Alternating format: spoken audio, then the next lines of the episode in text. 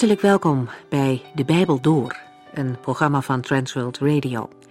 De Bijbel Door is een radioserie die u in vijf jaar meeneemt door de hele Bijbel. Van Genesis 1 tot Openbaring 22.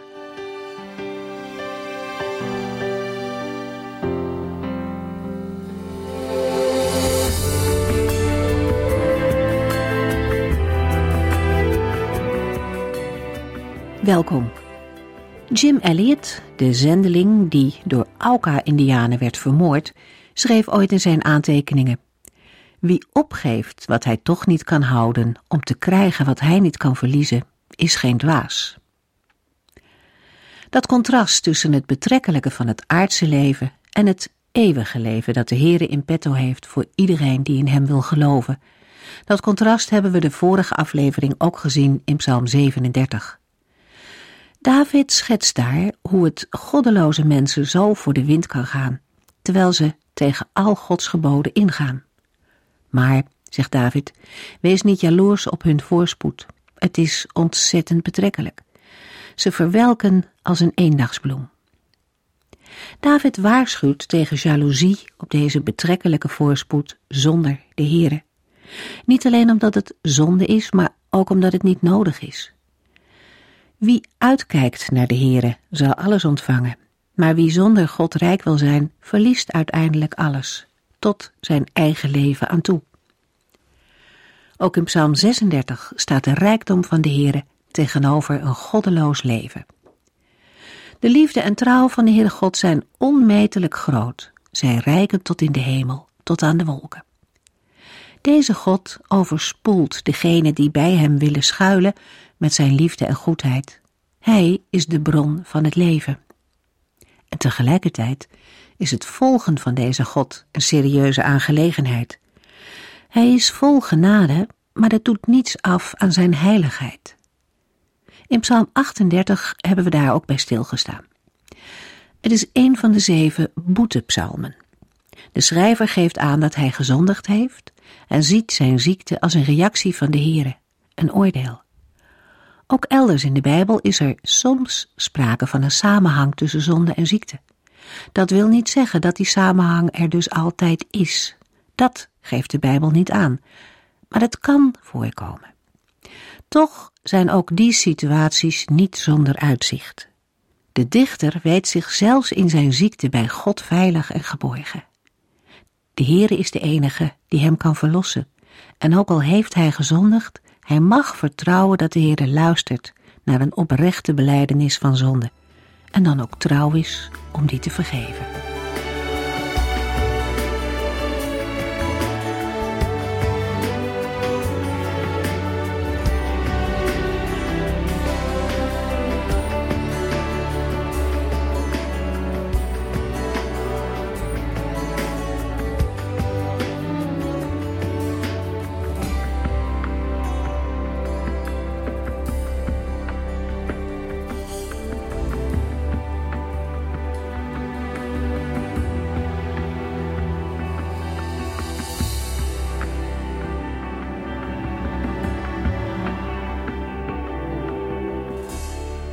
Psalm 39 is een individuele klaagzang.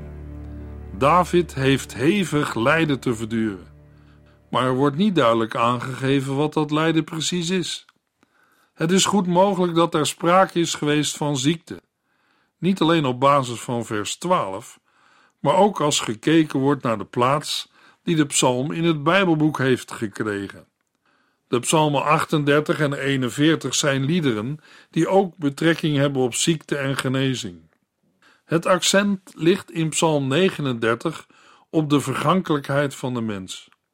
In de versen 1 tot en met 7 beschrijft de dichter hoe hij tot het besef van vergankelijkheid is gekomen. Daarna smeekt hij de Heere vanuit dat besef, in de versen 8 tot en met 14, om verlossing uit zijn lijden. Een indeling in vier is ook mogelijk.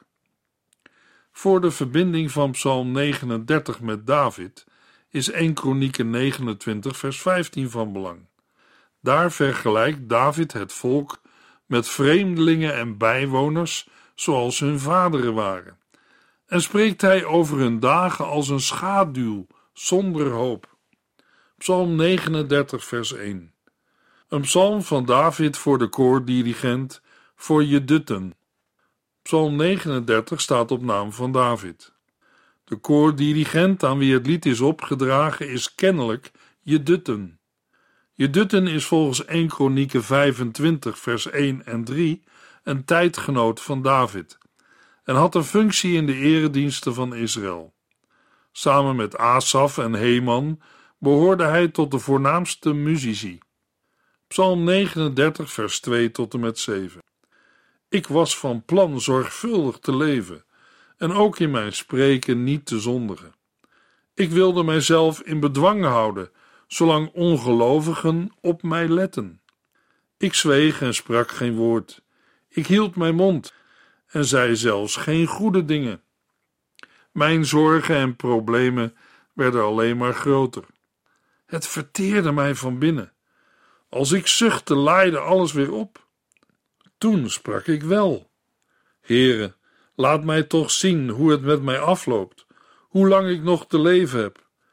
Toon mij maar dat ik eigenlijk niets voorstel, want voor u is mijn leven niet langer dan enkele decimeters. Mijn leven stelt in uw ogen niets voor. Ieder mens is maar een ademtocht. Een mens gaat voorbij als een schaduw, als een zuchtje wind, vliegt zijn leven weg. Mensen verzamelen van alles, maar beseffen niet dat anderen het na hun dood zullen nemen.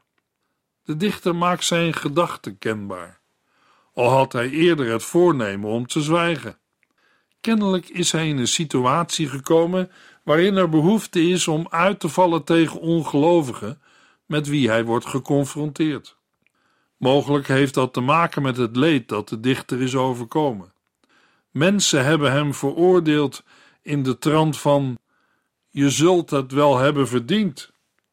Die veroordeling vraagt om reactie.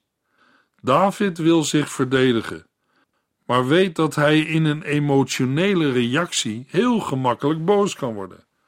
En als hem dat zou overkomen, dan geeft hij zijn belagers indirect gelijk. Daarom neemt hij zich voor om te zwijgen. Op die manier wil hij zijn wegen, dat wil zeggen zijn doen, laten en spreken, zuiver houden voor de Heere. Het was in zijn ogen noodzakelijk om een wacht voor zijn mond te plaatsen. De frustratie neemt toe. Maar van binnen kookt hij van woede. Hij ervaart zijn situatie als zo onrechtvaardig dat hij eronder zucht.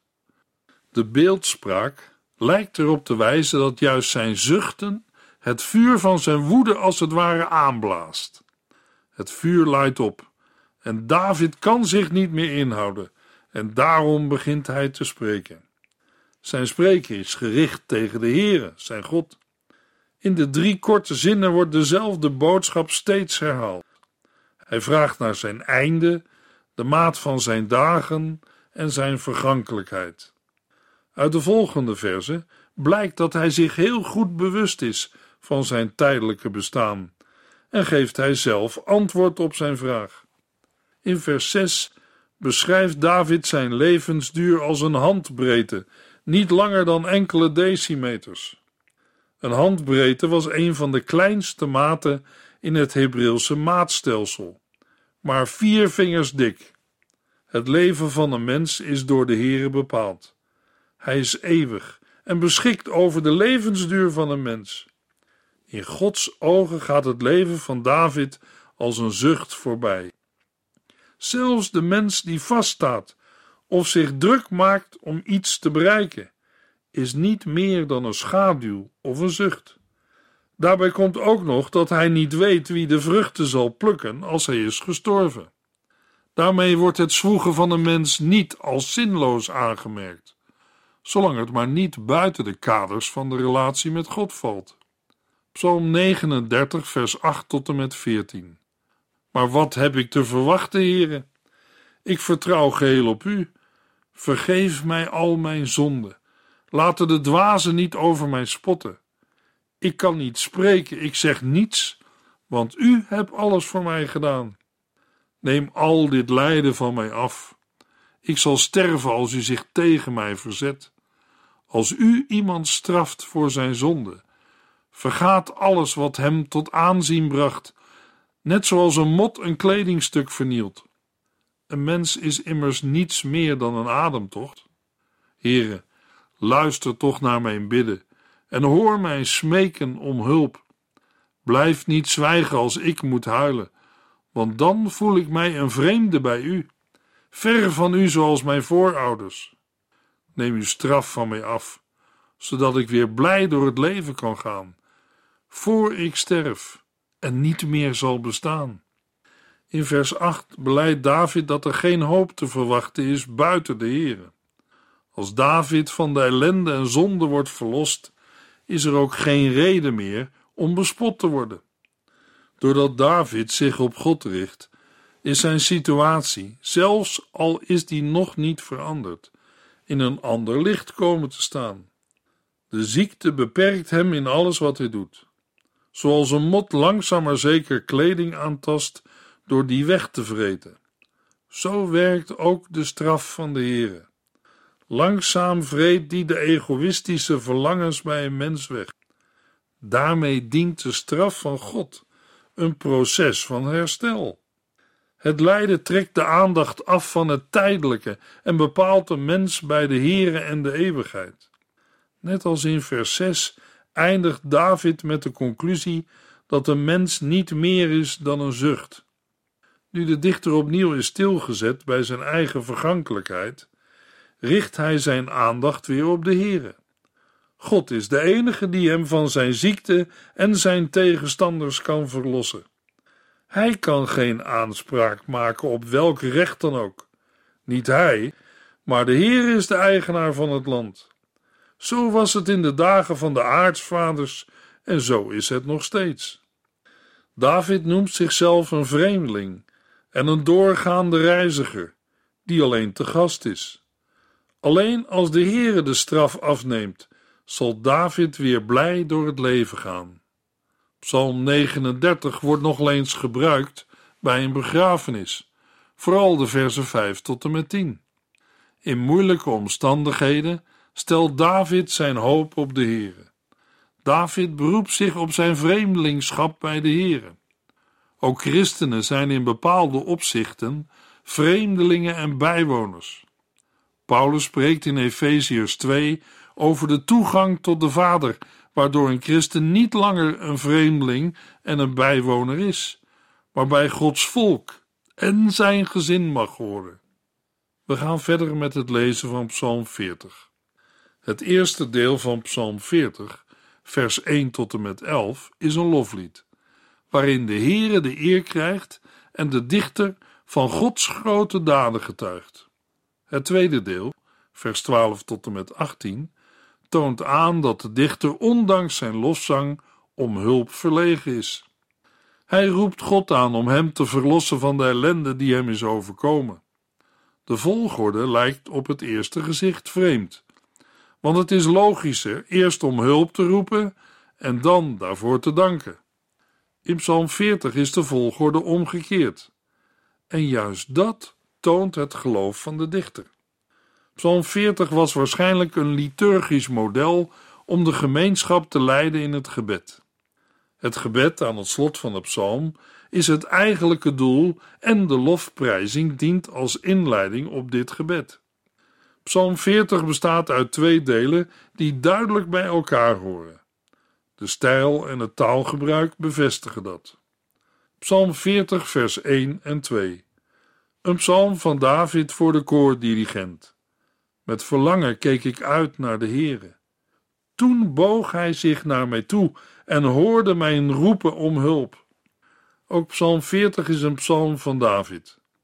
In vers 2 beschrijft hij een situatie uit het verleden waarin David sterk verlangde naar de Heere. David had de Heere nodig. De reden voor zijn roep maakt hij niet bekend, maar wel het gevolg. Toen boog hij zich naar mij toe en hoorde mij roepen om hulp. Psalm 40, vers 3 tot en met 11. Hij trok mij omhoog uit de diepte van de zonde en uit de modder van de wereld. Hij zette mij stevig op de voeten op een rots. Dankzij hem wankel ik niet meer. Hij leerde mij een nieuw lied, een lofzang voor onze God. Ik hoop dat velen het merken en ook ontzag voor de Heere zullen krijgen, dat ze ook op Hem gaan vertrouwen. Gelukkig is de mens die zijn vertrouwen op de Heere stelt en die zich niet wendt tot trotse mensen of leugenaars. Heere, mijn God, uw wonderen zijn ontelbaar. Uw zorg voor ons is groot. Niets is met u te vergelijken. Als ik over uw wonderen en zorgen zou willen vertellen, zou ik niet weten waar ik moest beginnen. Het gaat u niet om offers of geschenken. U vraagt niet om brandoffers of offers om zonde weg te nemen. Voor u telt mijn gehoorzaamheid. Toen zei ik: Hier ben ik. In de wet werd al over mij geschreven. Mijn hele hart verlangt ernaar uw wil te doen. Mijn God, uw wet is mijn leven. Ik vertel de blijde boodschap van uw liefde en rechtvaardigheid in de samenkomsten. U weet, heren, dat ik niet zal nalaten over u te spreken. Ik verzwijg uw rechtvaardigheid niet en spreek over uw trouw en bewaring. Aan grote groepen mensen vertel ik over uw goedheid en liefde en waarheid. In vers 3 wordt niet duidelijk of de dreiging van de dood het gevolg was van een vreselijke ziekte of van een militaire crisis. Beide lijken mogelijk. Dankzij Gods hulp wordt de situatie van David in ieder geval radicaal anders. De Heer heeft Davids ellende veranderd in voorspoed. Die voorspoed is reden voor een loflied. De dichter zingt een nieuw lied om de Heere de eer te geven en is zo een getuige van Gods handelen. In vers 5 prijst David de Heere door zalig te spreken wie op hem vertrouwen. Na de indirecte lofprijzing volgt in vers 6 de directe. De overwinning die David heeft meegemaakt is niet het resultaat van zijn eigen inzet, maar te danken aan de Heere, zijn God. Die boodschap moet helder zijn. Als de Heere zo goed is voor een mens, voor het volk, dan zal niemand die zich tot hem keert beschaamd uitkomen. David verwijst in vers 7 naar het voorschrift voor de koning in Deuteronomium 17, waar staat dat hij als koning ontzag moet hebben voor de Heere. Dat ontzag groeit door het lezen van het afschrift van de wet. De vrucht van dat ontzag is de bereidheid om te doen wat de Heere vraagt. Die bereidheid wordt nu steviger neergezet. Het is geen bereidheid tegen wil en dank, maar een verlangen om te doen wat Gods wil is. David draagt de wet in zijn hart. Zo maakt hij duidelijk dat de offers alleen niet voldoende zijn, maar gepaard horen te gaan met de juiste intentie. In de brief aan de Hebreeën worden de versen 7 tot en met 9 toegepast op Christus. Vervolgens maakt David in een aantal korte zinnen duidelijk dat hij vrijmoedig over Gods blijde boodschap heeft gesproken. Het getuigenis van David bevestigt dat hij niet alleen in de materiële offerdienst gehoorzaam is, maar dat hij vol overgave van Gods liefde en rechtvaardigheid heeft gesproken tot heel het volk. David roept de Heer op als getuige van zijn boodschap en daarmee leidt hij het volgende gebed in. Nu David de Heere zo expliciet heeft geloofd, kan God toch niet anders dan hem opnieuw helpen? Na de lofzang richt David zich in de versen 12 tot en met 18 op zijn nood. Hij weet dat wat de Heer in het verleden heeft gedaan, ook vandaag nog mogelijk is. Immers, de Heer is niet veranderd. Daarom smeekt hij om hulp en verlossing. Psalm 40 toont een prachtig principe van het vertrouwen op God. Uitgaande van Gods onveranderlijkheid is juist de ervaring van het verleden een garantie voor de toekomst. David heeft de Heer in een eerdere situatie als verlosser ervaren. Nu er een nieuwe situatie van dreiging op hem afkomt, keert hij zich opnieuw tot God in het vertrouwen dat de Heer op gelijke wijze zal handelen. Psalm 40 wordt met onder andere Psalm 22 en Psalm 69 gekarakteriseerd door het thema door de dood tot het leven. Daarbij gaat het over de ideale koning, die door de mensen wordt veracht en vernederd, maar door de Heer wordt verhoogd. Jezaja profeteert dat dit eens ten volle vervuld zal worden in de leidende knecht van de Heere. Centraal in de houding van de koning is het getuigenis van de bereidheid te doen wat God van hem vraagt. Een bereidheid die later bij de Heer Jezus in volmaakte vorm wordt gevonden. In het Nieuwe Testament worden de versen 7 tot en met 9 dan ook aangehaald in Hebreeën 10 vers 5 tot en met 7 met betrekking tot het werk van Jezus Christus. De offers, hoewel die naar de wet gebracht werden, konden de Heere niet behagen. Maar nu zijn wij geheiligd door het offer van Jezus, de Messias. De bereidheid van de Heer Jezus en David is voor ons een voorbeeld ter navolging. We gaan verder met het lezen en overdenken van Psalm 41. David schreef Psalm 41 naar aanleiding van een periode van ziekte in zijn leven. Maar hij wordt in zijn beschrijving niet specifiek. Daardoor is het moeilijk om de situatie van de psalm concreet in zijn leven te herkennen. De algemene beschrijving maakt wel een brede identificatie mogelijk, waardoor het lied bijzonder geschikt is in de liturgie, voor de zieken onder het volk. Psalm 41 bestaat uit vier coupletten van elk drie versen. Maar het tweede en derde couplet hebben hetzelfde thema en worden samengenomen. In de eerste plaats laat David, in de versen 2 tot en met 4, zijn vertrouwen op God horen. Vervolgens richt hij zich tot de Heere en maakt hij, in de versen 5 tot en met 10, zijn klacht kenbaar. Om tot slot in de versen 11 tot en met 13 over te gaan tot een gebed om genezing, waarin opnieuw het vertrouwen op God doorklinkt. Als laatste psalm van het eerste hoofddeel van het Bijbelboek Psalmen wordt ook Psalm 41 toegeschreven aan David. Psalm 41, vers 1 tot en met 5. Een psalm van David voor de koordirigent. Gelukkig is wie voor de zwakken zorgt.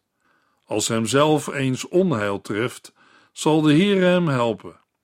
De Heer zal hem beschermen en in leven laten. Anderen zullen hem prijzen. Zijn vijanden krijgen hem er niet onder.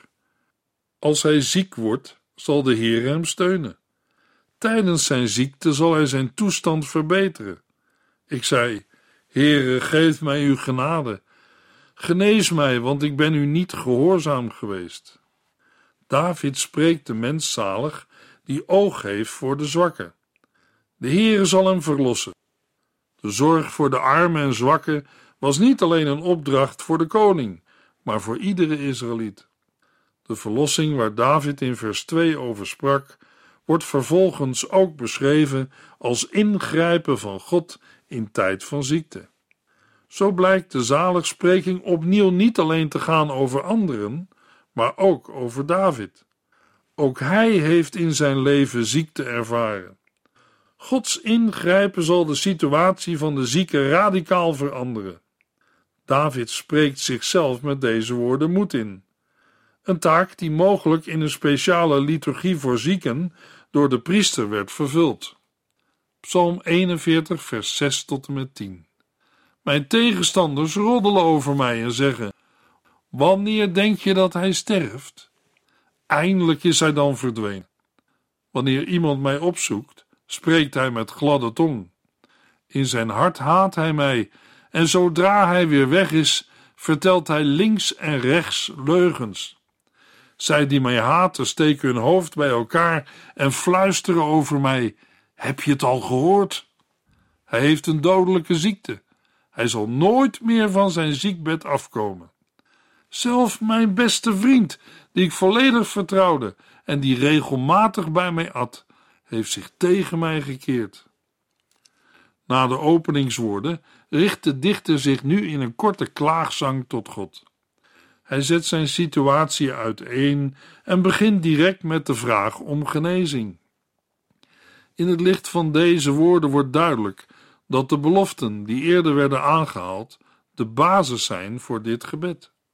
Naast de lichamelijke pijn krijgt David nu ook te maken met psychische nood.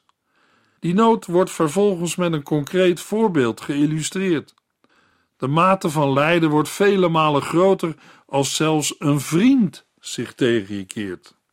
Het verraad komt bijzonder hard aan omdat David de man vertrouwde en zelfs zijn gastheer is geweest. Psalm 41, vers 11 tot en met 14. Here, wilt u mij genade schenken en mij beter maken? Dan zal ik het hun vergelden. Wanneer mijn tegenstander geen plezier meer over mij heeft, is dat voor mij de bevestiging dat u met liefde voor mij zorgt en dat u mij kracht geeft, omdat ik niet tegen u gezondigd heb, en dat u mij voor altijd dicht bij u laat wonen. Geprezen zij de Heere, de God van Israël, tot in alle eeuwigheid. Amen. De lofprijzing van vers 14 moet niet alleen op Psalm 41, maar ook op het eerste hoofddeel van het psalmboek, Psalm 1 tot en met 41, worden betrokken. Het geeft de afbakening van dit deel aan. De lof van de Heere gaat de persoonlijke omstandigheden te boven en hoort hem te worden toegebracht in voor- en tegenspoed. Het amen is een bevestiging dat de Heere de God van Israël is. Daarbij kan zowel naar het verleden als naar de toekomst worden gekeken. Het is mogelijk dat Psalm 41 als beurtzang fungeerde in de eredienst. De priester zou dan met de versen 2 tot en met 4 het vertrouwen op de Heere uitspreken, om daarmee de zieken aan te sporen zich op de Heere te richten. Vervolgens kon de zieke dan de woorden van de versen 5 tot en met 14 uitspreken. Daarmee reikt Psalm 41 een bijzonder principe aan, ook voor vandaag, voor de omgang met de Heere. Het koningschap van David krijgt een latere vervulling in de Messiaanse koning, Jezus Christus. Het is daarom begrijpelijk dat Jezus volgens Johannes 13, vers 18 de woorden uit vers 10 heeft aangehaald en betrokken op Judas. In de volgende uitzending lezen we Psalm 42 en 43.